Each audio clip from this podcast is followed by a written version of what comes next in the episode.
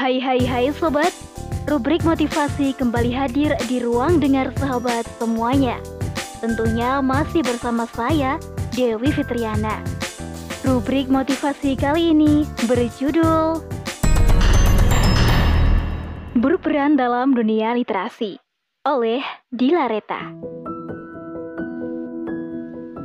Mengutip dari laman Kominfo melalui riset bertajuk World Most Literate Nation Ranks yang dilakukan oleh Central Connected State University pada Maret 2016 lalu, Indonesia dinyatakan menduduki peringkat ke-60 dari 61 negara soal minat membaca. Ya, sebagai bagian dari penggiat literasi nih, hal seperti ini tentu menjadi keprihatinan tersendiri bagi kita. Meskipun pada kenyataannya menumbuhkan minat baca tulis di kalangan masyarakat bukanlah perkara mudah. Namun demikian, bukan berarti kita harus sembarangan dalam membuat tulisan. Asal mereka mau baca, tulisan vulgar dan sara pun tak masalah. Yang penting kan jadi suka baca. Nah, justru hal seperti inilah yang akan menjadi masalah. Jika tulisan-tulisan seperti ini dibiarkan bertebaran dalam dunia literasi, akan menjadi seperti apa masyarakat kita nanti. Tujuan utamanya bukan hanya agar masyarakat memiliki habit membaca, karena lebih dari itu, kita berharap informasi yang disampaikan dapat mengubah kepribadian seseorang menjadi lebih baik di masa mendatang. Said Kutub Ibrahim rahimahullah, seorang penulis ideologis muslim Mesir pernah menguntip, peluru hanya mampu menembus satu kepala, sedangkan tulisan mampu menembus ribuan kepala, maka tulislah sesuatu yang baik. Sobat, dalam hal ini tentu ada rambu yang harus diperhatikan ya, agar literasi yang disajikan tidak hanya menarik perhatian, tapi juga mampu membawa perubahan dan dapat dipertanggungjawabkan. Untuk menyuguhkannya, kita harus bisa menjadi seorang muslim yang ideologis, yang mampu berpikir kritis dan memahami kaidah hukum-hukum syariah Islam serta mampu menyampaikan kebenaran dan membantah gagasan-gagasan yang menyimpang. Dengan menjadi muslim ideologis, maka literasi positif akan dihasilkan. Tidak hanya menyajikan tulisan berbobot seputar keislaman, tapi juga mampu membuka pola pikir pembaca agar lebih kritis di masa depan. Seyogyanya setiap dari insan memiliki kewajiban sama untuk beramar ma'ruf nahi mungkar. Perjuangan seperti ini pun tidak melulu dengan berdiri di atas mimbar atau berjihad ke medan perang ya. Kita bisa kok memulainya dengan menyajikan tulisan-tulisan ideologis berlandaskan hukum Islam. Terlebih jika melihat kondisi saat ini, kemungkaran banyak terjadi dalam dunia maya. Banyak sekali oknum-oknum yang menyebarkan paham kesesatan, memerangi pikiran generasi-generasi masa depan dengan menyuguhkan konten-konten tak bermoral. Inilah adalah tugas kita semua, termasuk seorang muslimah.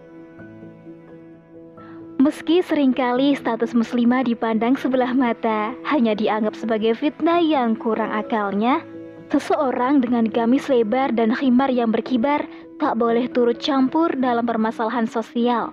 Urusan kaum wanita hanya sebatas dapur, sumur, kasur, jangan melewati batas. Hmm, begitulah kiranya statement paten yang sudah lama tertancap dalam benak masyarakat. Padahal sobat, lebih dari itu semua, tidaklah kita semua mengetahui sebuah ungkapan Al-Ummu Madrasatul Ula seorang wanita adalah madrasah pertama bagi anak-anaknya. Ya, itulah tugas mulia yang harus ditunaikan. Karena sejatinya, peranan seorang muslimah adalah salah satu kunci majunya sebuah peradaban, ya kan? Nah, seorang wanita tanpa literasi ibarat fondasi dari kayu ringkih. Tidak akan mampu deh menopang sebuah bangunan.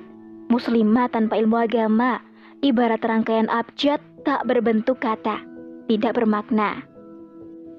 Sobat, jika muslimah hanya berfokus pada karir dan penampilan saja, rasa-rasanya kemajuan peradaban hanya akan menjadi wacana semata. Belajarlah dari kisah para sahabiah, kisah ibunda para ulama yang penuh ibrah dan dapat menumbuhkan ghirah. Sebenarnya tak sukar untuk memulai, Hanya saja kita yang selama ini abai. Padahal Allah sudah berikan modal akal, tahapannya pun sudah diajarkan. Entah mengapa deh, masih saja sering beralasan. Sobat, sebagai seorang muslimah akhir zaman nih, kita tidak cukup memiliki bekal keilmuan. Maka akan sangat mudah diri ini terombang-ambing dalam kesesatan paham sekuler liberal yang membahayakan. Tidak bisa mengajarkan kebenaran.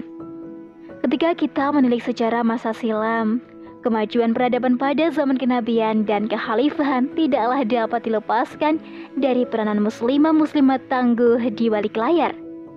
Tidak dapat dipungkiri bahwa di balik keberhasilan dakwah Rasulullah ada peran besar Ibunda Khadijah yang senantiasa mendampingi.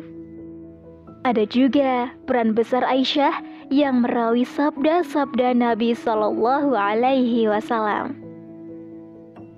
Kita harus bisa menjadi muslimat tangguh yang berilmu, turut berperan dalam peradaban meski hanya melalui pena yang digariskan. Jangan pernah ya meremehkan dunia literasi. Bukankah Islam dapat maju dan berkembang karena pena-pena ulama yang mencerdaskan? Seorang muslimah sejati adalah yang senantiasa menjaga ketaatannya pada perintah ilahi Robi. Tidak hanya dalam perkara ibadah, namun juga tentang peranan dalam membantu agamanya. Um, kembali berbicara tentang peranan dalam dunia literasi, saya pernah membaca sebuah kutipan. Jangan dikte pembaca, Anda penulis bukan diktator. Ah, menurut saya, mungkin ada benarnya. Kita adalah penulis bukan diktator.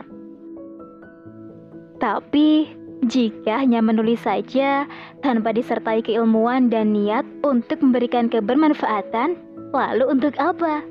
Bukankah tujuan awal telah ditentukan? Jadikan dunia literasi sebagai sarana menyampaikan kebenaran dan kebermanfaatan.